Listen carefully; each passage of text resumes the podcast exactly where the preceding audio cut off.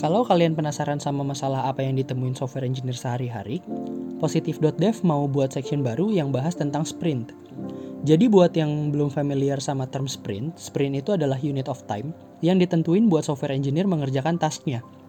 Uh, apa sih yang dibahas di sprint ini? Kita bakal bahas apa yang dikerjakan oleh software engineer, masalah apa yang ditemukan, dan bagaimana cara overcome-nya. Harapannya adalah kalian bisa dapat insight dari apa yang kita share di section ini. Jadi stay tune.